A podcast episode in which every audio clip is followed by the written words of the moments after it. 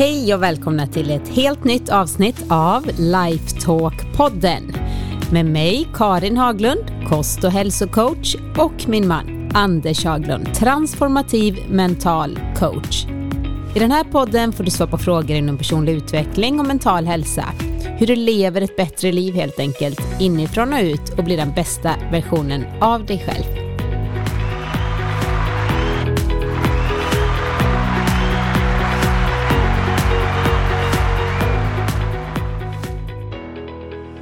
Hej Anders! Hej Karin! Då är vi igång igen.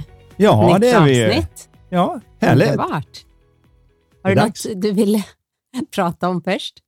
Nej, Lätta ditt hjärta? Lätta mitt hjärta. Ja. Nej, det känns ganska lätt faktiskt idag. Gör det det? Ja. Vad härligt. Det är Så är rätt det. skönt nu när eh, barnen är i skolan Mm. och man får chans att göra lite mera en sak i taget. Ja, utan att bli avbruten av eh, någon annans agenda. Det är ju lite samma på mm, jobbet kan jag tänka mig, där många känner att idag vet jag vad jag ska göra. Så kommer någon annan in och säger, skulle du kunna hjälpa mig med det här? Så blir det liksom tillagt till ens lista och bryter flowet på något vis och hur man kommer tillbaka. Mm. Så att eh, det är lite varstans i livet som det känns ganska skönt när man bara får känna att nu kan jag göra precis det jag ska göra under en lite längre tidsperiod. Om man inte kommer bli avbruten. Mhm. Det kommer vi ju inte nu när vi spelar in podden. Alla mobiler är avstängda, Dörrarna Allting. är gjorda, så vi svarar inte om någon ringer på dörren. sitter i våran bunker här när det är vi inte vi sitter på kontoret. Men eh, mm, med andra ord är du redo för att besvara lite unika frågor. Alltså de är unika den här gången. Ja, Ja, unika. vi får väl ja, se vad det det, är de väl varje någonting. gång tänker jag. Ja, Eh, men vi börjar med första frågan.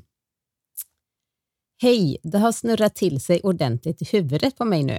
Generellt är jag en lugn och tålmodig person och i privatlivet har jag sällan huvudbry. Men jobbet har jag lite för allvarligt. Min största och kanske enda trigger är att om jag känner mig orättvist behandlad så hamnar jag väldigt långt ifrån mental klarhet. Nu känner jag mig orättvist behandlad på jobbet. Jag har framfört mina åsikter på jobbet och då brukar jag kunna släppa tankarna och gå vidare. Men det surrar så många negativa tankar nu att det håller mig vaken om nätterna natten sedan månader, vilket såklart gör mig trött, överkänslig och otålig generellt. Jag försöker att objektivt se på min situation och kan förstå att jag inte borde ta mina tankar på så stort allvar. Men känslan är fastklistrad i hjärnan. Jag har hakat upp mig. Jag har lärt mig en hel del från er podd som har hjälpt mig en del, men uppenbarligen inte tillräckligt. Hoppas ni kan komma med fler goda råd. Vet inte riktigt vad jag ska ta mig till och hur jag ska ta mig ur denna dåliga spiral. Hälsningar CB, 45 år. ja. Hej CB. Det här är ju någonting som är lätt att banka sig själv i huvudet för och känna att det är någon sorts prestation och att jag lyckas inte. Istället för att se att det vi pratar om här i podden är ju principer för hur vår mänskliga psykologi fungerar. Det innebär att de är allmängiltiga, gäller för alla i alla lägen. Det är det som är grejen med en princip, lite som gravitation. Det är inte som att den är annorlunda i Australien, utan de tycker att de har huvudet upp och fötterna ner, fast vi som är här tycker att de är down under. Men det är inte så det fungerar. Vi gör alla det bästa vi kan, givet det tänkande som ser verkligt ut för oss i ögonblicket. Det innebär att om jag skulle går fram nu och viftar min kära fru i ansiktet med fingrarna så hon tittar på mig lite förvånat och undrar vad gör du nu? Vi ska ju spela in podd. Vad håller du på med? Om jag gjorde det med någon som kom direkt från en krigszon så är risken att de drar fram något vapen och skyddar sig därför att i deras värld så kommer det tankar som ser verkliga ut för dem att om någon tar sig snabbt fram till mig och viftar mig mot ansiktet så vill de mig illa. Och när du säger tankar där så är det ju också att det är helt omedvetet. Vi är inte alltid medvetna om vad vi tänker, vi men det är, eh, pågår. Vi är medvetna om en väldigt liten del av vad vi tänker. När vi ligger och sover till exempel och vi kallar det vi tänker för drömmar så är det väldigt få av de drömmarna. Det vet man ju i sömnlabb och sånt när man kan då se på ögon och annat och mäta hjärnaktivitet. Där Vi drömmer ganska mycket varenda natt. Men vi kommer ju ihåg väldigt lite av det. Utan de enda vi kommer ihåg är de som vi hade kanske precis om man, blir, om man ser att någon drömmer och man petar på dem och väcker dem i drömmen så kan de en kort stund komma ihåg sin dröm. Och Vissa andra lägen så gör vi det också. Men de flesta drömmar går i glömska. De är undermedvetna så att säga. Och Det gör att vi då kan känna att det är lite kämpigt när vi upptäcker då att någonting sätter sig. Vi har gjort en bedömning i vår tankevärld att nu är jag orättvist behandlad. Märk väl att alla människor kan känna sig orättvist behandlade ungefär när som helst, eftersom det är en helt subjektiv bedömning. Självklart finns det gånger då när någon lyssnar på det och säger nej, det här är skillnad. Det här är helt objektivt så har de utnyttjat mig eller gjort någonting eller inte låtit mig komma framåt i karriären, låtit någon annan få en chans som jag borde ha fått och så vidare. Och så vidare. Jag vet ju inte specifikt vad det här rör sig om, men vi vet alla vad det innebär. Och ända ifrån att man tittar på eh, när ett barn känner att min, mitt syskon fick eh, apelsinjuice, men jag fick det inte, så kan man ju se den starka reaktion det leder till när man känner att jag är orättvist behandlad där. De fick, men jag fick inte. Så det ligger djupt rotat naturligtvis. Även schimpansexperiment har visat att de blir väldigt upprörda om eh, schimpansen i buren jämte får en banan, men de inte får den. Då kommer det börja skrikas ganska högt för att det är orättvist. Så det är inte någonting som är enbart mänskligt, utan det, vi har alla en inbyggd känsla av vad som är rättvisa. Problemet blir när vi då inte kan släppa allvaret i den tanken. Och Det nästan känns som att jag använder orättvisan för att visa att jag är en fin människa, för en fin människa skulle ju inte släppa det här på något vis. Det borde ju och inte, inte bry sig. Och inte ens släppa det på nätterna, utan nu håller man liksom kvar. Ja, det, det blir, det, blir som att, det blir som att krama en väldigt vass, skarp kant och kramar den hårdare och hårdare och känner det gör ondare och ondare tills det nästan skär igenom ens hud och man blöder. Och man tror på något vis att det ska göra ont på de andra. Och Det här antar ju en del en viss offerroll i när man är i en familj eller något, att se hur jag lider för att ni aldrig hjälper till eller vad det nu än är. Och så antar man att de andra ska veta utan att behöva förstå mer än så. Det här är någonting som alla kan göra och det är ytterst mänskligt, det är väl det första att se. Principen är fortfarande att alla människor gör det bästa de kan, givet det tänkande som ser verkligt ut för dem i ögonblicket. Så här då är det ju lätt när man redan är lite nere att man då sparkar på sig själv när man ligger ner när man tycker det. Att här har jag lyssnat på er podd och jag har ju förstått en del men uppenbarligen inte tillräckligt. Jag förstår på den nivå jag förstår. Och jag kan liksom inte tvinga mig till nästa nivå mer än att jag kan så att säga, vara i konversationen med mig själv och se att det jag känner kommer från mina tankar. Vad jag får för resultat kommer från vad jag gör. Det hjälper inte att sitta så att säga, i ett hörn och tänka på hur man vill ha det. Jag kan inte magiskt manifestera det via tanken. Jag kan bara känna det jag tänker. Men jag behöver ut och göra något för att det ska förändra sig. Så det hjälper inte att tänka på ett gympass. Jag får inte större muskler. Man har i och för sig visat att om jag tänker till starkt så kan jag få en liten muskelimpuls som kan göra att jag är mer färdig rent nerv, nervmässigt. Så tanken har sin lilla betydelse, men den har väldigt liten betydelse för resultatet. Och När det gäller det här den här personen säger då, CB, mm. så är det ju som en, den här personen nämner då att när normalt sett så går jag in och så talar jag om vad jag känner och sen kan jag släppa det. Och det är ju oftast boten är ju att säga som det är. Truth shall set you free, som det står i de flesta spirituella böcker någonstans. I det här fallet var det tydligen inte tillräckligt. Kändes inte som att man blev hörd kanske. Kändes inte som att det gjorde någon skillnad. Ehm, och Det gör ju då att nu är jag inte färdig.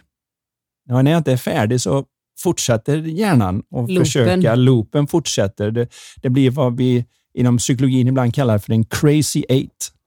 Om man tar infinity-tecknet så är det ju en åtta som ligger på sidan och solar lite ungefär. Och om du för fingret i den så går du fram och tillbaka. Man går framåt in i framtiden och tänker, nej, ska det fortsätta vara så här nu? Då ska jag jobba kvar på den här positionen fast det inte borde vara. Och sen går man tillbaka och säger, ja, och så har det varit flera gånger förut och det här händer alltid mig och det är så typiskt och så går man fram igen och så loopar man där, men man kommer aldrig ur en infinity loop. Det finns ingen, det finns ingen exit. Det känns som om jag bara gröper till ett djup så ska jag komma ur den, men jag kommer ingenstans där. Utan det enda sättet är att släppa den vassa kanten. Att släppa infinity-loopen. Och se att antingen så går jag in och säger precis vad jag känner och tycker och hur jag anser att det inte var rätt och så får jag säga att nu var jag klar. Men jag behöver få göra färdigt. Du kommer säkert ihåg ett tag när vi pratade om i något avsnitt om det här med hypnos och annat, att ett av sätten att inducera en start till hypnos, det är att man tar någonting som människor gör automatiskt och alltid får avsluta och så låter man dem inte avsluta det. Som till exempel man sträcker fram handen för att säga hej. Den andra handen åker upp automatiskt och mitt medan den åker upp så tar man tag i handleden istället och bara för den rakt upp framför deras ögon och säger någonting vad som helst, för då kan du få in någonting i den här loopen. Och deras hjärna kommer nu säga does not compute, does not compute. Det brukar inte gå till så här. Vad hände? Jag brukar få avsluta handslaget. Och sen när man har avslutat hela den här hypnotiska grejen, då måste man ta ner handen och så måste man avsluta handslaget och då är det som de vaknar till och säger va? Vad hände? Samma sak är det med det här. Det behöver till ett litet avslut. Man behöver en exit. För mig då som är ingenjörsutbildad så kallas det här för en tote. Och en tote är helt enkelt test, operation, test, exit. Och väldigt många människor har ingen exit när de gör sin test, operation, test, utan de fortsätter med test, operation, test. Att gå ut och äta med en sån person kan ta evigheter, för går man på en kinesisk restaurang med 102 saker på menyn så måste de gå igenom hela menyn. Och så när de har gått igenom hela menyn så måste de ändå titta upp på det och säga, vad ska du ha? Och så säger du vad du ska ha och då tänker de innerst inne, skit, då kan jag inte ta det och så måste de börja om igen. För de har ingen exit på att bara gå ner för listan och det första som de gillar säger de, det kan jag ta idag. Jag är klar. Behöver inte kolla igenom hela. Är med? Ja, det är jättejobbigt, men det finns mängder människor som är så här att de har en tote, men de har ingen exit i den, så de har en tott. mm. Det låter lite grann som CB har hamnat där. Det är ingen exit i det. Det är inte liksom, okej, okay, nu ställer jag mina problem här utanför sovrumsdörren och är de på riktigt så kan jag plocka upp dem igen imorgon. För hjärnan går inte med på det, för det känns inte som att handslaget är avslutat, utan armen har blivit hängande i luften utan att få den. Och för alla som någon gång har blivit lurade av sina kompisar när man sträcker fram handen och de är liksom ha, too slow och så får man liksom inte göra klart det, så känns det nästan konstigt så man måste skaka på handen för att komma ur den där känslan av att jag trodde jag skulle få avsluta ett handslag här. Samma kan vi hamna i mentalt. Så det handlar väldigt mycket om att känna, okej, okay, vad behöver jag för att känna att jag har avslutat? Att man tittar i den riktningen, inte bakåt på vad som har hänt och jag inte kan ändra. Det här är en jätteviktig komponent som jag faktiskt har funderat på de sista dagarna för att det dök upp med en Eh, personlig coachingklient. Och det är att väldigt många människor, när man pratar med dem om att ta ansvar, så ser man det som att ansvaret ligger i att jag talar om, ja, det var jag, det var mitt fel. Nu tog jag ansvar, för jag sa att det var jag.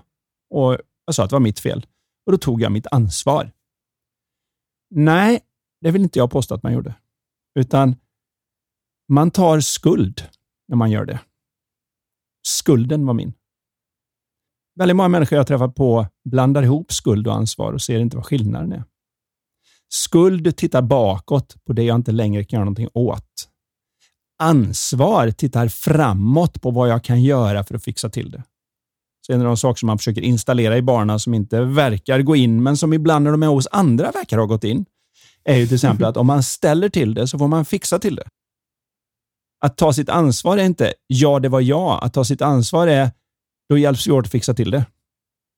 Nu har jag tagit ansvar. När jag säger att det var mitt fel, sorry, my bad, då tar jag skuld. Och Det är en väldig skillnad. Så att när jag pratar med människor om det här så måste man förstå att man ska inte skuldbelägga sig själv, vilket man gör när man pratar om att ah, det var mitt fel, varför blev det så? Nu och nu har jag fastnat mig. i den här loopen, jag kan inte sova, det är mitt eget fel, jag skapar det här själv. Ja, det jag tar mina tankar för allvar och då skuld... Och det låter lite som att eh, den här personen har hamnat där också. Ja, titta, jag tittar till och med på en podd, men jag kan inte få till det. Det verkar som ni vet vad ni pratar om, men jag får inte till det nog bra. Men det blir en skuldbeläggning i den. Istället för att man ansvarsbelägger sig själv. Ansvarsbelägger sig själv är, okej, okay, vad kan jag göra från och med nu för att få till det här bättre då? För bakåt kan jag inte göra något åt, så funkar inte världen. Det är över. Det finns bara nu. Det finns inte ens framåt. Det finns inte bakåt. Det finns nu och så kommer ett nytt nu och så kommer ett nytt nu. Så det blir, det, ansvaret ligger i att säga, okej, okay, vad kan jag nu göra annorlunda och bättre med tanke på det här? Kan jag vara bättre på att uttrycka hur jag vill ha det innan situationen ens uppstår? Så att jag så att säga mentalt vaccinerar mina medarbetare, chefer, vad det nu än handlar om, så att de vet det att här är hur jag skulle vilja ha det och bli behandlad innan. Som när jag föreläste i, i början och jag pratade, jag var utbildad i USA, så jag har bott i USA, gått på universitet i USA.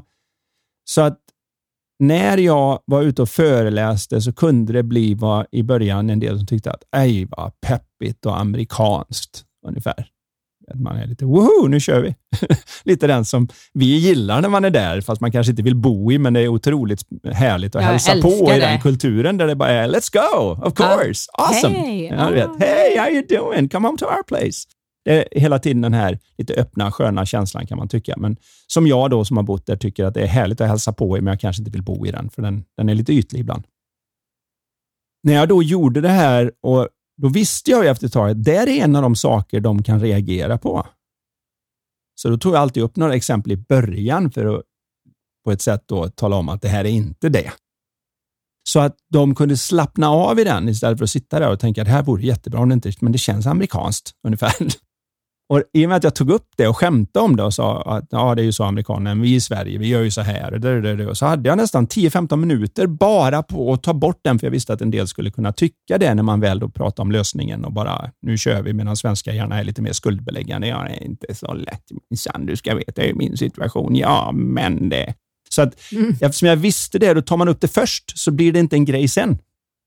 Jag tänker också att det tyder på att man har kommit ganska långt i sin personliga utveckling när man vet vad som triggar en. Så där är det måste all eloge. Liksom. Ja, men jag vet att jag blir triggad när jag känner mig orättvis behandlad. Inte när jag är orättvis behandlad, utan när jag känner mig orättvis behandlad.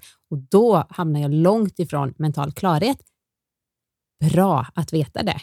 Jättebra att veta det. Vi har alla, du har triggers, jag har triggers som man vet. Till exempel när också den här personen skriver om sömnbrist, vet jag ju om man har vaknat och så, eller går upp på morgonen och så har man typ sovit två, tre timmar. Alltså då vet jag att det är längre ifrån, känns det som för mig, i mental klarhet. Får jag mina sju timmar och 45 minuter som är, jag är skalman liksom. Jag vaknar alltid av det, av mig själv. Pling! Sen är jag pigg hela dagen. Och det är alltså en fysiologisk skillnad också. Sömnen har ju så stor betydelse. Samtidigt då, för mig nu som har haft den natten i natt, därför att våran son hade en massa mardrömmar och sånt här. Oavsett vad det nu än berodde på, så fick han för sig att han var anfallen och allt det där. Och man vill hjälpa honom och det tog nästan en timme att få honom att lugna ner sig och somna om efter det här, för det var så verkligt för honom. När vi nu sitter här, precis när du nämner det, så insåg jag att jag inte haft en tanke på hur trött jag är. Och jag känner mig ganska mentalt klar. Bara vetskapen om att det ändå är möjligt Absolut. är väldigt hoppfullt när man liksom inser att okej, ja, det kan vara lite tufft när man har sovit, men det innebär inte att det på något vis är omöjligt eller inte går eller att man inte skulle kunna möta dagen med lite mer klarhet och kärlek i sitt hjärta. Så det är härligt. Bara det att man vet att möjligheten finns är väldigt hoppfullt och hopp är alltid väldigt energigivande. Det som händer när man är i den här sitsen är ju ofta att man tappar lite hoppet. Man tycker nu har jag gjort allt, men ingenting och så, funkar. Jag och så får är det inte till det, det. man försöker. Man Ja. försöker och så försöker man hårdare. Och så funkar inte det och då försöker man ytterligare lite hårdare och nu skriver man inte loss och tänker nu ska jag verkligen här försöka få svar. Men egentligen så behöver man ju inte ens försöka. För ibland när vi försöker ta oss ur så är det nästan som att vi borrar oss djupare i någonting. Alltså just när det är Jag tror det mentalt. handlar mer om hur man försöker. Mm.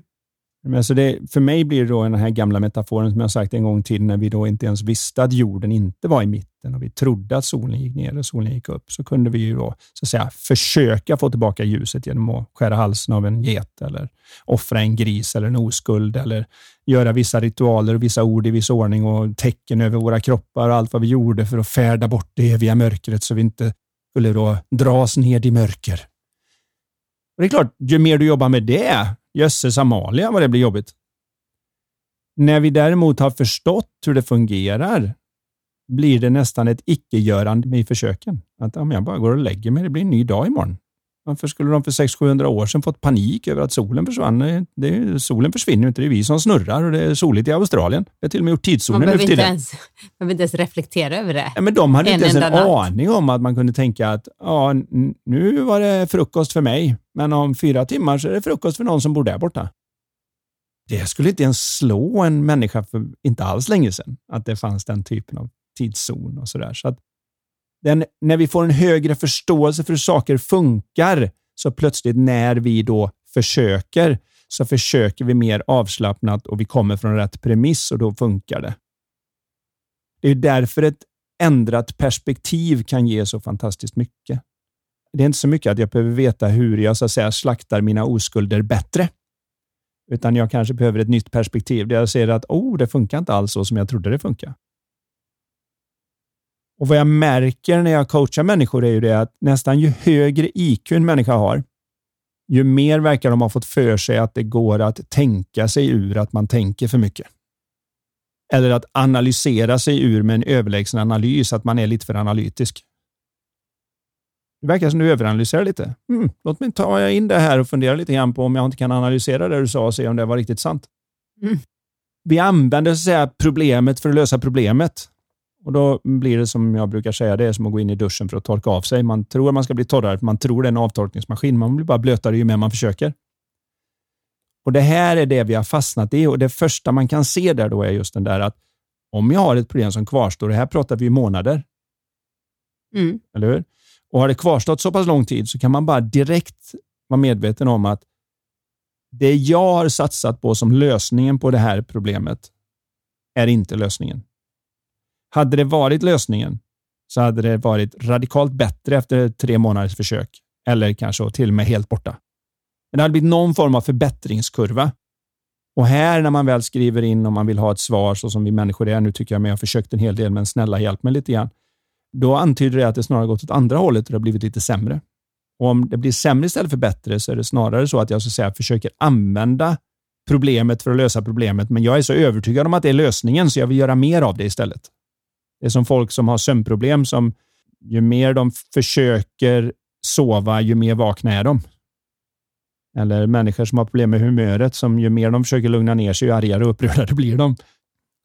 Om man kan se den i första läget och bara se, jag behöver ett nytt perspektiv, jag behöver komma till det här från en helt annan ordning. För kommer jag till det med fel premiss så är allt jag får för mitt IQ att jag kommer till fel plats snabbare. Det kan vara bra, för då träffar jag botten fort. Till skillnad från någon som tycker att ja, det är inte så farligt, vi fortsätter här. Det är klart, det känns bättre, men det är fortfarande bara en långsammare nedåtgående kurva ner till krisen. Medan då med lite IQ så kan man ta sig skitsnabbt ner i det för att man verkligen kan göra det där som man tror är lösningen riktigt, riktigt bra och effektivt så att man snabbare kan komma till fel plats.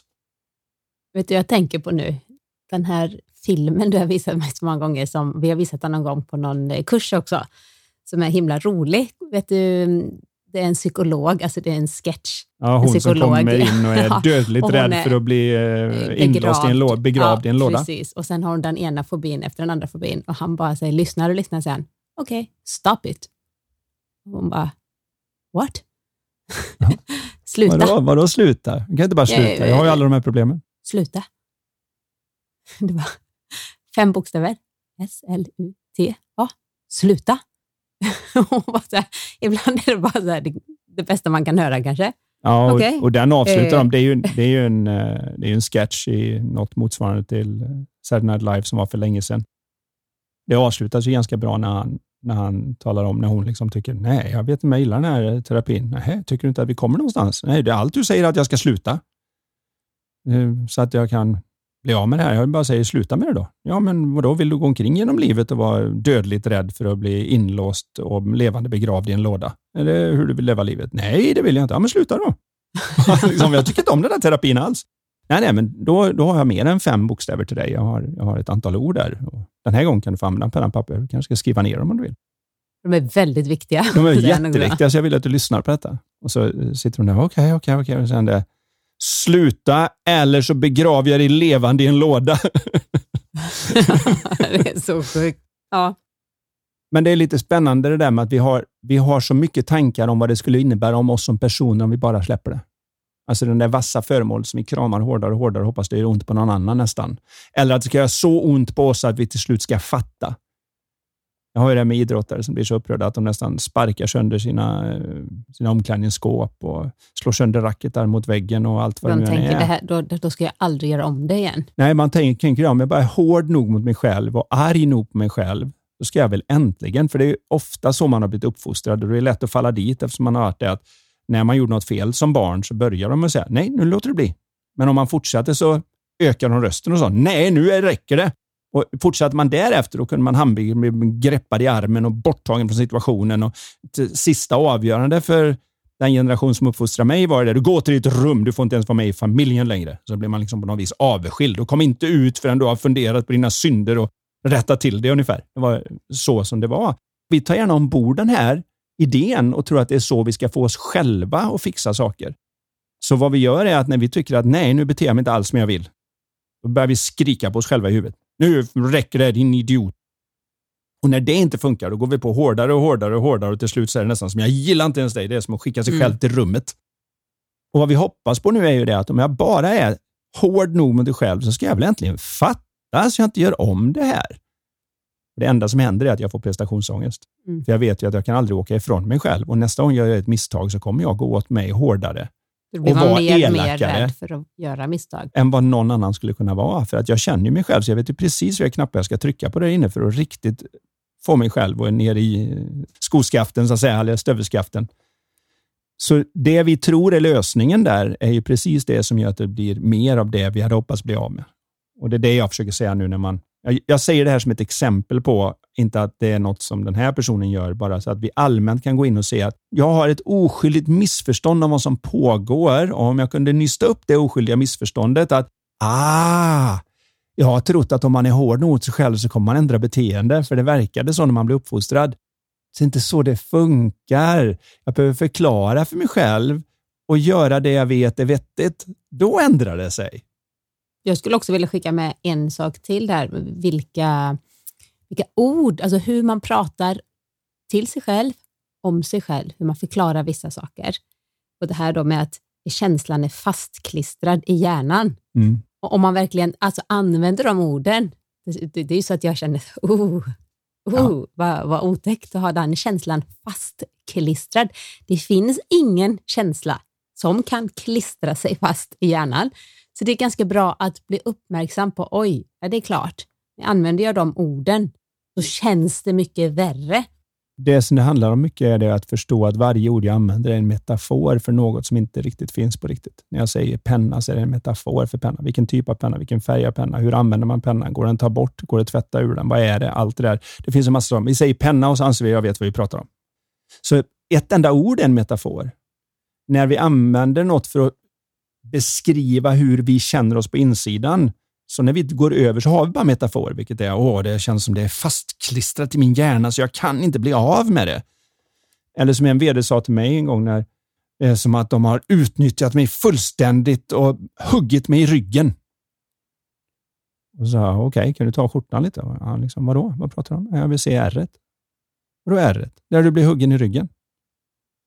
Ja, men det blev jag inte. Du vet vad jag menar. Nej, det vet jag faktiskt inte. Ska vi säga så här att du ansåg att de lovade en sak och sen höll de inte det löftet riktigt. Är det kanske det som har hänt? Punkt. Så när man klär det med andra ord, om man förstår. Så det gäller att vara lite uppmärksam på hur pratar man med sig själv? Hur pratar man om vissa, till exempel här då, utmaningar? Eh, vilka ord använder man och så vidare? Ja, det är ganska... Jag, jag ska inte säga att det är det viktigaste. Det, det är mera just viktigt att se att det är så vi använder tanke och att vi döljer att det är tanke med snygga metaforer så det börjar kännas som det är på riktigt. Jag hade någon annan vd som sa att det är som att de håller en pistol mot huvudet och inte ger oss något val. Jag tänkte, liksom, okay, men vad är det för färg på den leksakspistolen? Vad är leksakspistolen? En riktig pistol? Jag kan ju känna igen mig lite att man använder dramatiska... Alltså om man, om man är en känslomänniska så tror jag man gärna för att förmedla sina känslor använder sig starka ord. Det är jag, så man gör för att förstärka.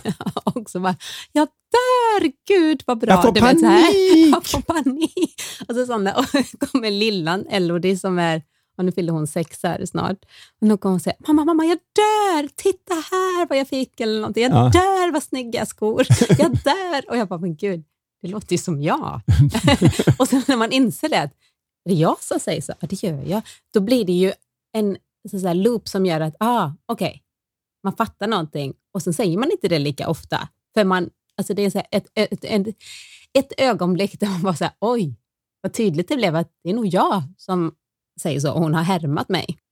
Hon är också en liten drama queen. Ja, och den äkta förståelsen handlar ju när man inte ens behöver sluta säga det, utan man kan fortsätta ja. säga det, men det får inte samma effekt nu, därför att jag nu är medveten om att det bara var en metafor. Mm.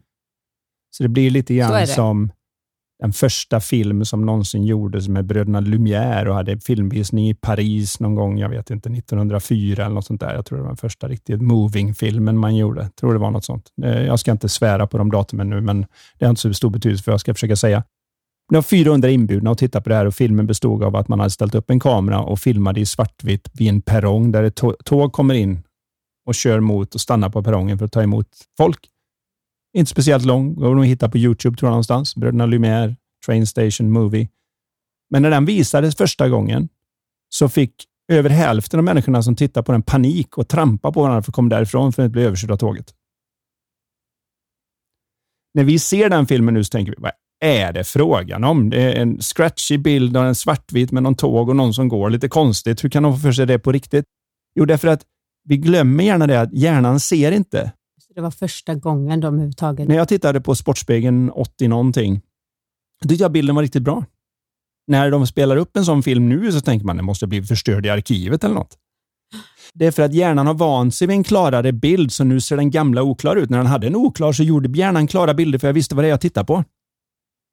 Vi tror att det är en absolut synförmåga när det egentligen är så att vi faktiskt uppgraderar den här. Så att när man såg Jurassic Park första gången tänkte man, gud vad verkliga dinosaurierna är, hur har de lyckats?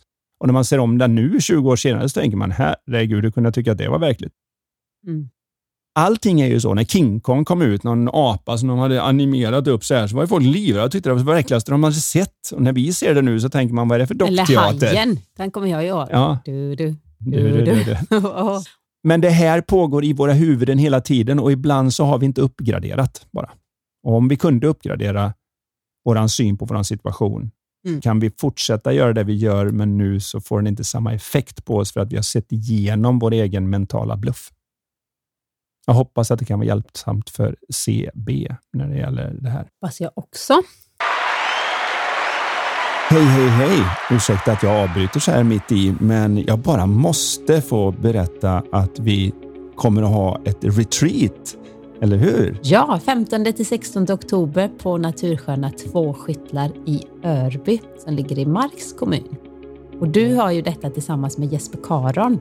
Precis. Det kommer bli så bra och som vi tycker oerhört prisvärt för ett par dagar med två stycken fantastiska inspiratörer och där vi kommer få input från alla runt omkring och de som möts där. Det kommer bli någonting fantastiskt. Så var tvungen att få tala om att vi har det. Absolut. 3490 kronor per person och då ingår övernattning, goodiebag, föreläsningar båda dagarna, frukost, lunch, middag, spabad, tillgång till bastu, bada i sjön, reflektionstid, återhämtning och hela temat för retreatet är just mental hälsa och livsglädje. Hitta nya insikter, få inspiration och landa i mer mentalt välmående. Och hänget med de andra likasinnande där det ofta blir insikter under diskussionerna runt omkring. Så vi var tvungna att bara tala om det och göra er en tjänst, så kom! Kom! Kontakta oss för mer info. Det ligger på våra hemsidor karinhaglund.se, andershaglund.se och lifevision.se. Och lifevision.se, precis. Nu så, nu fortsätter Lifetalk-podden. Så nu vill jag ta upp en, eh, ett ämne här vi inte har tagit upp i podden. En ny fråga. Hej, jag vill gärna höra er ta upp om long covid här i podden. Tufft för de som drabbas. Vad är era tankar kring detta ämne och hur kan man orka kämpa vidare, orka komma tillbaka och så vidare? Jag har nu varit sjuk i över två år och får ingen hjälp av sjukvården. Har även familj och vänner som inte tror mig stundtals, vilket är påfrestande. Var tidigare en aktiv person som älskar livet. Nu brottas jag med den mentala utmaningen om att inte veta vad som hjälper. Vara rädd för att bli sjuk igen i covid när alla andra lever på som vanligt tacksam för er input. Ja.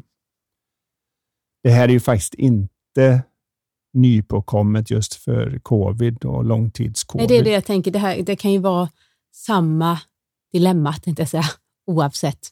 Det, att det finns varit... många andra diagnoser och tillstånd. Ja, allt ifrån att man har haft MS till fibromyalgi till alla möjliga grejer som förut var liksom psykosomatiska i stort sett. Att nej, du har bara problem i huvudet. och bli hemskickad då, ungefär som skärp till det. Och de här som har ME, just det, kroniskt trötthetssyndrom. syndrom och så. Och I vissa fall kanske det är, ligger någonting i det, men väldigt många gånger så finns det en, en fysisk, fysiologisk komponent som gör att du inte kan. Det vet ju vi alla. Det räcker att man har influensa så det inte man vill springa upp för trapporna. Och Det är svårt att se när man inte är där hur jobbigt det kan vara.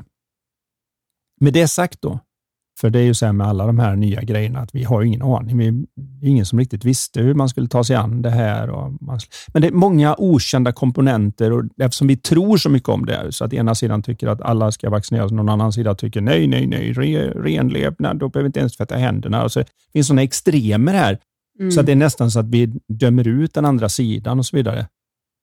Så det är mycket och okänt. de andra länderna, så alla olika Ja, länder olika tar har- olika har beslut olika, om karantän. Men I Kina så tyckte de att potentialen för att man skulle kunna sprida en sjukdom som har 2% dödlighet som värst gör att vi låter folk vara instängda så att de svälter ihjäl och dör på riktigt liksom på något vis. Det, det blir väldigt konstigt hur Mm. man tar de här besluten och det kan, vi, det kan vi åtminstone komma överens om, att det Mm. finns en väldig spridning där. Men det vi kan säga är att det finns alltid en komponent där jag kan göra så gott jag kan. Vi vet att oavsett vad jag står inför tar jag mig an det bättre med ett klarare sinne. När man har gått så pass länge som den här personen har gjort med detta, så är det väldigt lätt att det börjar sätta sig i självkänslan, speciellt om man har varit en liten go-getter förut eller man tycker att ja, men jag, jag, jag brukar kunna fixa saker eller som det stod. Jag, och nu känner jag inte igen mig själv. Då tappar många det som de skulle kunna göra för att det är så mycket de inte kan göra längre. Så då blir det liksom lite sådana här gamla sa, vad bidde det då? Det bidde ingenting. Mm. Det är lite kopplat till utbrändhet också skulle jag säga. Alltså ganska likt. ja, det finns tror mycket av symptomen sig- som är ja. liknande och hur och man just känner där att sig. alla andra springer på som vanligt och jag var en sån innan som gjorde det här och det här och nu orkar jag inte ens Nej, göra någonting och ingen annan fog. fattar kanske hur jag har det för att de tycker att men det är bara upp och res på det och, Skärp dig. och gör det här. Ja. För det syns inte riktigt på utsidan. Har man en, ett brutet ben så Ja. syns Eller det. sitter i rullstol eller liknande så Precis. får du en helt annan acceptans för att du har vissa utmaningar som vi behöver jobba runt. För Och just det här med long covid, det är ju ingen som heller vet i samhället riktigt, ja, men vad innebär det?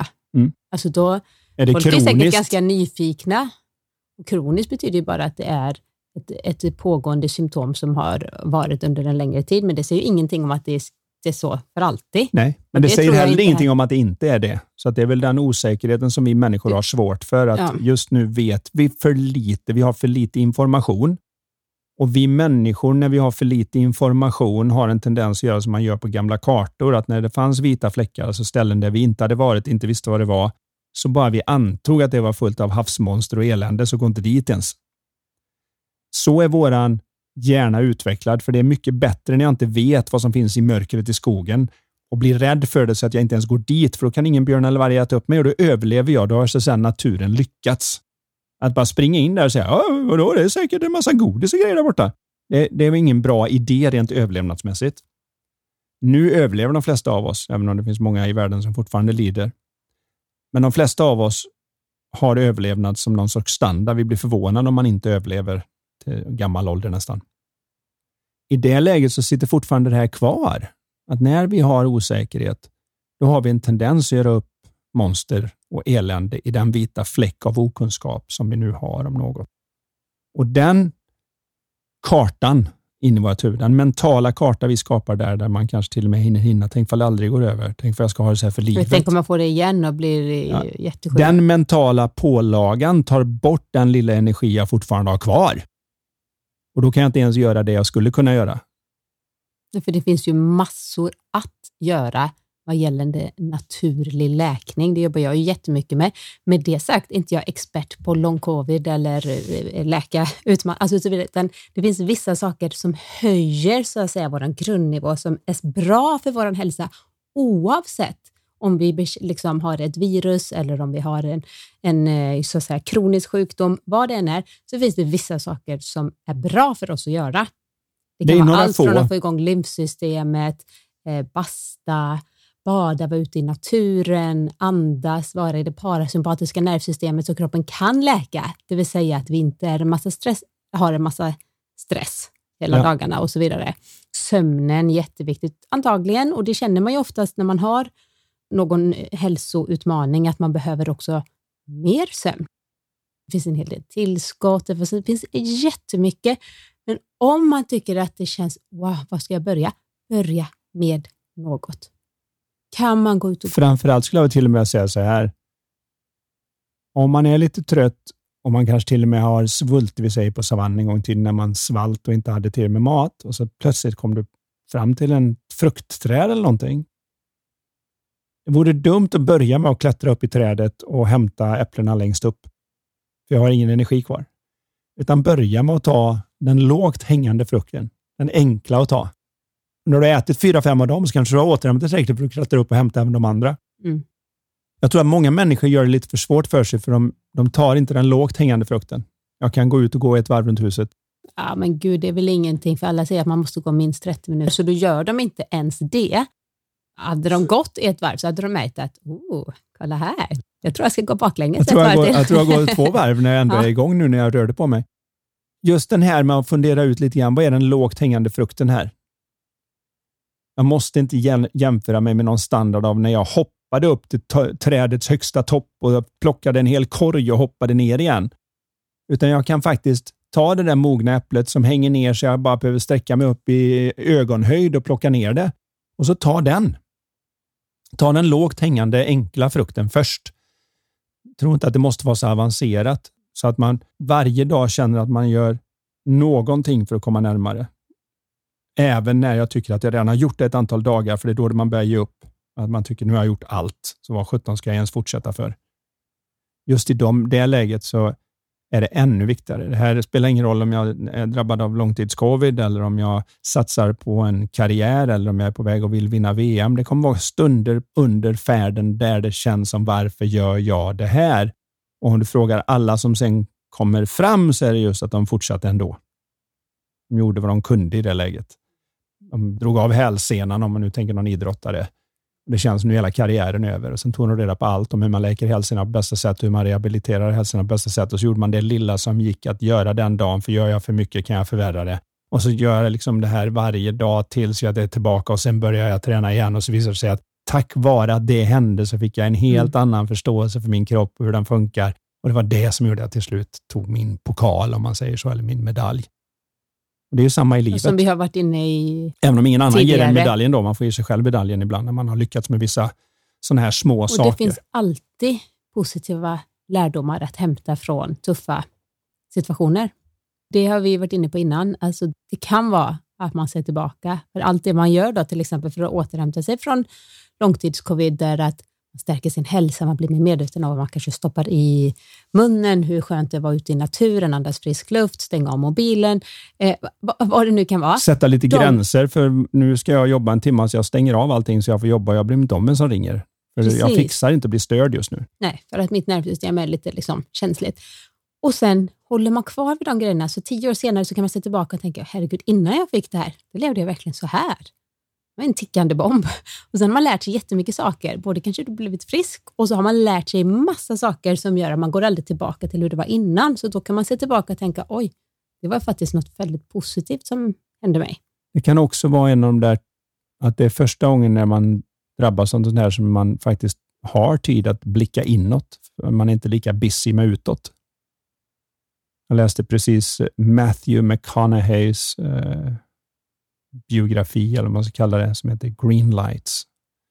Han pratar om att det finns vissa gröna ljus i livet. Liksom. Och man bara är villig att se dem. Här kör vi. Men då pratar han om sina svåraste stunder, där han inte kände att det här går inte, eller det här funkar inte. Och I stort sett varenda gång så visar det sig att när han tog sig igenom dem var det som ledde till allt annat. Hade han inte gjort det så hade det inte blivit något, för hade han inte om man inte tar sig an att göra bänkpress med bara stången, så kommer mm. man aldrig kunna göra det med 2-2,5 kilos på sidan. Och tar man 2-2,5 kilos kan man aldrig göra det med 10 kilos. Gör man inte med 10 kilos kan man inte göra det med 20 kilos. Vilket gör att när det väl kommer en 100 kilos möjlighet susande i livet, så för att jag tyckte det var jobbigt med stången så är inte jag den som är redo att hoppa upp och ta den. Det här är ju ett perspektiv som kan låta riktigt då, med tanke på vad vi pratade om innan, amerikanskt klämkäckt. Du vet, det är, lite sådär. det är inte hur man har det, det är hur man tar det. Den är inte rolig att höra när man är nere, men det man kan se i varje fall är att det spelar ingen roll vad jag står inför, så tar jag mig an det bäst när jag är mentalt klar och tar det lilla steg jag kan ta. Vad det än är, även om jag tycker jag borde hinna mer, jag kan inte som förut, så är det vad man Just gör vad de man kan sakerna eh, hindrar ju lite kroppens läkning när man börjar, kommer in i det att jag borde, jämförelse, alla andra, bla bla bla bla. Det är ju någonting, det är liksom bara ett extra ok att bära. Så där kan vi säga då, sluta med det. Ja, det. Men, men det är just förståelsen för att jag kan fortsätta med det utan att det påverkar mig om jag ser att jag inte måste ta alla de tankar jag har i mitt huvud på allvar bara för att jag råkar ha dem. För annars blir det gärna att det blir nästa grej. Ja, men jag kan ju inte släppa dem så då, och nu har du pistolat om att jag inte gör det, då kan jag inte läka. Nu är jag ännu mer screwed. Liksom. För det, det gäller att Man komma läker ihåg bättre. när man pratar om de här sakerna att om du har någon som är flygrädd och du försöker logiskt övertyga dem och, om att de inte borde vara det, för det är väldigt enkelt. Det finns en massa statistik som visar att om du, om du ska hamna i någon sorts incident med flyget så måste du flyga varenda dag i 11 000 år eller någonting. Rent statistiskt så måste du sätta dig på ett flygplan varenda dag i 11 000 år för att kunna på något vis garantera det. Och eftersom vi inte lever riktigt så länge så är det väldigt liten chans att något ska hända när du ser det på det stora hela. Mhm, då förstår folk logiskt, men Ja, känslan Och så säger man till exempel då att ja, och dessutom så kör du ju bil och det är mycket större chans att du sätter dig i bilen om något händer. Där har vi en helt annan statistik. Och Då tänker man ju det, wow, du kör bil, det är farligare, då borde du kunna sätta dig på planet. Men den som redan är rädd kommer ju titta på det och säga, din jäkel, nu har du sabbat, du kan inte åka bil heller. Så de tar det mer som åt andra hållet och det är ju samma när någon lyssnar på det vi säger nu. Det viktiga är att man tittar in mot vad är principen bakom snarare än själva tipset och rådet. Vad är det jag kan se som är nytt och fräscht som kan göra skillnad för mig framöver för att jag förstår något jag inte alldeles nyss förstod? Att jag har något oskyldigt missförstånd hur jag tar mig an det här. Och om jag kan åtminstone titta i riktning mot vad det oskyldiga missförståndet är och se något nytt och fräscht, då kan jag komma ur det. Men det hjälper inte att någon liksom bara säger räkna till tio, ta det lugnt, så lugnar du väl ner dig. när det är den personens mottaglighet att höra någonting just nu. måste komma inifrån. Mm. Eh, Jag säger det om och om igen, men eh, personlig utveckling är, är som en dörr i sinnet som bara har handtag på insidan. Och Det enda alla runt omkring kan göra och det enda du kan göra om du är en av dem som vill hjälpa någon annan, det är att du kan ge, peka i riktning mot, inte vad du tror ska hjälpa, utan mot de allmänna principer som hjälper oss alla. Om de hör det på andra sidan dörren kan de hitta handtaget. Då kommer vi faktiskt, eh, du svarade lite på nästa fråga. Alltså, Kanske kan spinna vidare på det, men jag läser frågan först. Hej, här kommer en fråga till er podd. Idag mår väldigt många inte så bra. Jag har många vänner som inte är fullt ut lyckliga. Alla kan ju inte få hjälp av Anders, även om det hade varit det bästa såklart, står det ju inom parentes. tack, tack. Som Ingen press.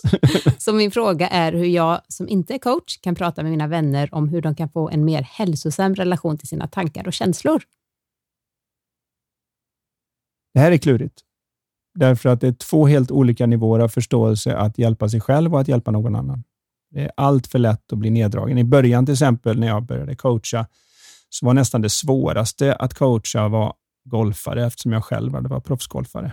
Så de började berätta sina tankehistorier om att ja, men det är så svårt när man har skuggan framför sig, det blåser från vänster till höger och det är out på högersidan.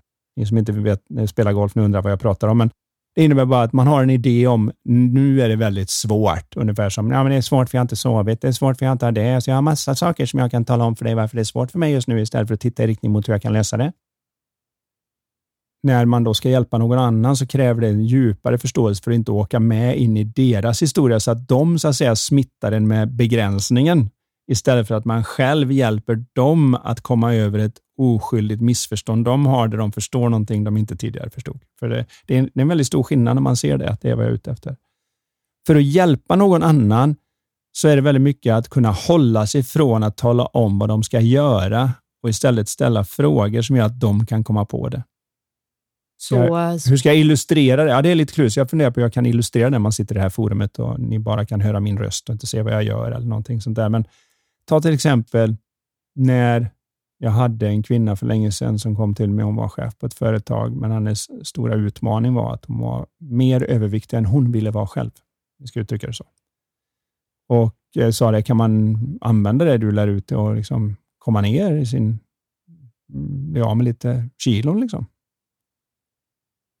Och så har du försökt? Eller? Ja, jag försöker hela tiden, men jag fattar inte varför jag inte kan gå ner i vikt.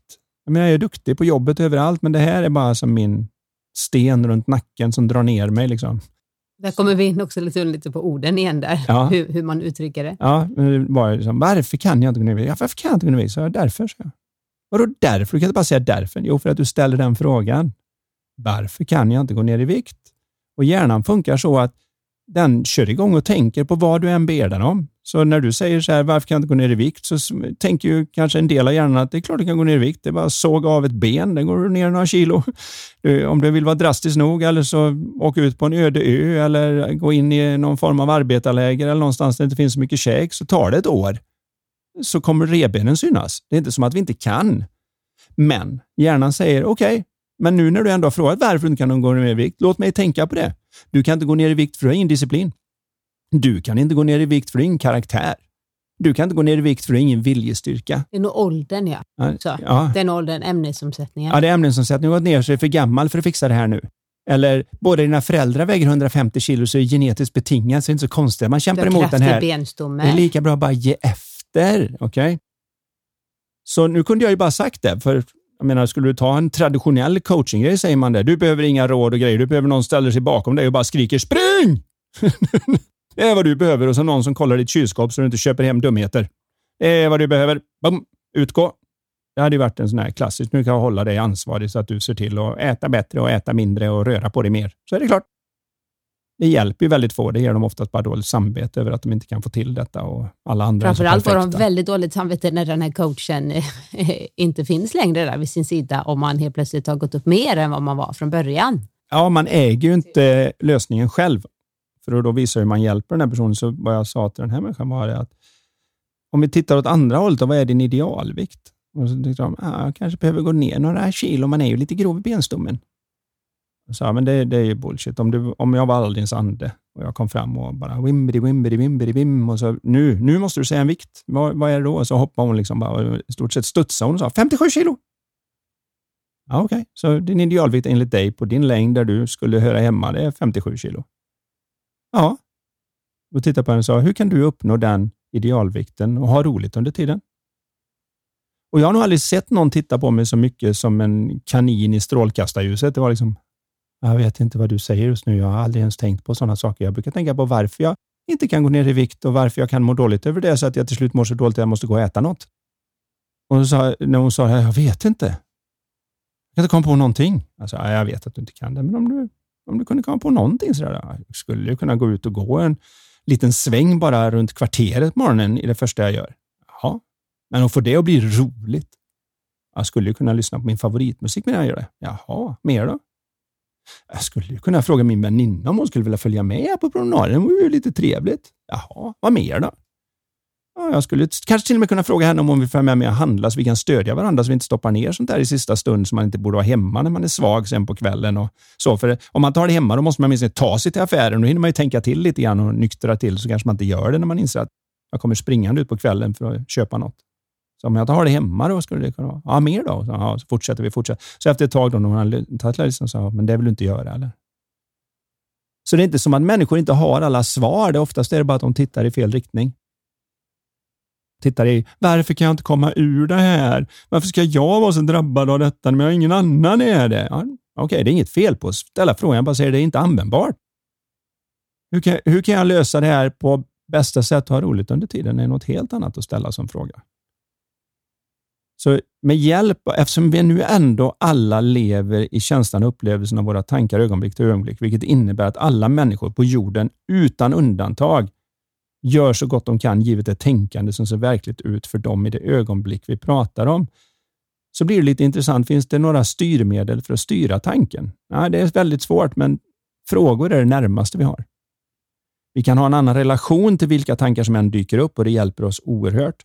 Men när vi vill åstadkomma någonting speciellt, eftersom tanke också är den största skapande kraften, samtidigt som det är den största destruktiva. destruktiva kraften, när vi går på de taskiga tankarna, så kan vi via att ställa mer konstruktiva frågor. Jag har upptäckt rent allmänt att människor som mår dåligt, och jag har träffat på ett gäng under mina 25 år som professionell coach, självmordsbenägna, deprimerade, utbrända och alltihopa. Det de verkar ha gemensamt är att de ställer väldigt mycket varför-frågor. Så det verkar som att skicka hjärnan i riktning mot varför jag har det som jag har det och varför jag går igenom det och varför det är så här. Det kanske låter som att man bara kommer till kärnan av varför jag har det så här så ska jag komma ur det. Men det verkar som det ger bara mer elände. Däremot frågor som är mera som hur och vad. Vad kan jag göra för att hjälpa någon annan idag snarare än att vara inne i min eget elände? Hur kan jag uppnå min idealvikt och ha roligt under tiden? Hur kan jag bidra med maximalt värde till mitt företag så att jag kan tjäna mer pengar? Hur kan jag få mina barn att känna sig älskade idag oavsett hur de beter sig? Allt möjligt sånt här som man kan ställa som skickar hjärnan i en bättre tankeriktning. Och eftersom jag då lever i upplevelsen och känslan av mina tankar mm. så kommer det göra någonting för det. Samtidigt då så är trumf på hand och ha den mentala klarheten och se att det spelar faktiskt ingen roll vilka det är. Om jag inte tar dem på allvar så kan de inte... Nej, men jag skulle säga också att när man själv upplever mera mental klarhet, när man själv jobbar med sin personliga utveckling, när man själv känner att så, så när man sitter med sina vänner eller i ett samtal, gå till dig själv först. Landa mm. i dig själv först. För det, jag tycker att det är nästan som magi. När man mår bra och känner att man är liksom mentalt klar, du behöver inte förbereda dig inför ett möte, du behöver inte tänka hur ska jag kunna hjälpa den här personen, vad ska jag säga, bla bla bla. Nej, gå till dig själv. Du kommer in där fräsch och det kommer ur så mycket bra saker ur din mun som passar perfekt till den personen beroende på vad den, alltså hur du återkopplar för att du är i så här balans eller mental balans än att, oh, Anders kör det här exemplet, då ska jag säga det, om du själv, alltså om det kommer från fel, eh, förstår du vad jag mm. menar? Ja, jag förstår precis. Så det är så, vi sitter med liksom något fantastiskt, när vi själva mår bra, så lovar jag att man påverkar så många människor positivt bara genom sin egen, alltså att liksom man lyser upp världen med sin egen eh, harmoni. Jag vill samtidigt ge en liten brasklapp där och det är ju det här att orden som kommer ur min mun, även om det man kan tycka att det är det som gör skillnad, det är inte det som gör mest skillnad, utan det är just den känsla jag kommer till den. Så jag kan så att säga må dåligt, men må bra och vara mentalt klar i den må dåligheten. Så kan det vara mer helande för en annan människa och ens vara i ens närvaro än vad jag kan säga. Så det är just den här att se att varifrån jag kommer gör mer skillnad än någonting annat. Mm. Så när jag ska hjälpa någon annan så är det precis som du säger, nummer ett är att titta på mig själv och se att är jag i ett läge där jag kan ens dela med mig? Nummer två är att se om den andra personen är i ett läge där de kan ta emot. Så när jag gjorde en del eh, utbildningar i försäljning och sånt, så var en av grundteserna som jag lärde ut var ju det här. Du får inte ens börja prata försäljning och business innan kunden har lett eller skrattat och slappnat av. Många vill vara så effektiva. De kommer in i ett möte och säger ja, hej, hej, hej. Ja, hur mår du då? Ja, det är bra. Ja, Okej, okay. hur många ska du ha? Eller man börjar sin sales pitch. Och man ser inte att det är mycket bättre att spendera, om man har en timme möte, så är det värt att spendera första halvtimman med att få kontakt, avslappning, tillit, någon sorts det där som händer när någon ler och skrattar så har de liksom sänkt garden. Och när den garden är sänkt, nu har jag en möjlighet att sälja. Den missar man både själv och man ser det tydligt på alla andra när man till exempel uppfostrar barn, att precis när jag inte borde säga något så säger man något. Man har inte någon sorts helst relation, ingen kärleksfull känsla, ingenting och sen faller det platt. Det är väl mitt grundgrej här nu när det gäller hur hjälper mm. jag någon annan att förstå det här? Det första är att ta en titt på, är jag på ett bra ställe? Ja, det är jag. Okej. Okay. Nu pratar vi om lite annat. Inga pekpinnar, ingenting. Och så när vi har den här lite relationen så kan man säga, har du märkt att man är lite olika beroende på vad man är mellan öronen. Att det ser olika ut. Att när man olika dagar, när det blir lite mycket där inne så ser allt mörkt ut och när det inte är fullt så mycket där inne, då ser allting lugnt ut. Ja, det har jag faktiskt märkt nu när du säger det. Ja, vad, vad tänker du om det? Och så får de berätta istället för att man själv talar om vad det är.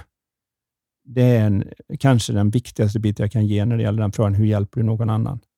Nej, jag vet vad den bästa frågan är, Nej, eller det bästa svaret är. Då säger man så här, jo men jag har svaret på alla dina problem. Lyssna Gå på livetalk-podden. Nej, du. Nej, jag skojar. Det var faktiskt... Ja, jag förstår att det var ett skämt. Kändes väldigt totalitärt. jag kunde inte låta bli. ja, okay. Men du, nu ska vi avsluta den här fantastiska podden med att eh, dra en fråga från vårt spel som heter just Lifetalk. Idag är frågan så här. Om din kropp kunde prata för sig själv, vad skulle den säga är det bästa du gör för din hälsa? Mm. Säger du Anders? Säg din lilla kropp. Din stora muskulösa kropp, menar Min jag. stora muskulösa kropp. Wow, här får man, blir man boostad. ja. Jag skulle säga att det som min kropp säger är absolut bästa det jag gör för den är att jag alltid varje morgon börjar med att ersätta det vatten jag förlorade under natten. Man svettas ut minst en halv liter i täcke och annat, förlorar genom ögonvätska och allt vad det är. Varje morgon så det första jag gör är att gå ner, dricka en halv liter vatten. Och Det andra som jag tror den är lite glad för är att jag tar ganska medvetna val om vad jag stoppar i munnen och jag försöker göra någonting för att träna och röra på mig varje dag. Jag tror att min kropp är lite nöjd med att den där medvetna chefen mellan öronen eh, tar ett exekutivt beslut om. Härligt. Så ni andra, fundera lite på den här frågan. Tycker jag. Och, Så eh, är vi tillbaka om två veckor igen. oj, oj, oj. Ha det riktigt bra. Ha det gott, hej!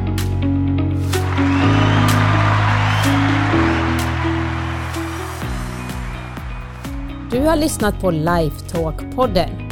Vi vore så tacksamma om du vill lämna ett betyg och eller recension i iTunes. Dina frågor de kan du skicka till oss på lifetalkpodden.se. Spelet Lifetalk finns också att beställa där. Vill du komma i kontakt med oss rörande samarbeten, coaching, föreläsningar och event? Då kan du mejla till karin lifevision.se. Tusen tack för att du har lyssnat. Och du, gillar du podden? Dela den gärna vidare och tipsa om den i sociala medier. Låt oss tillsammans göra världen lite mer mentalt välmående.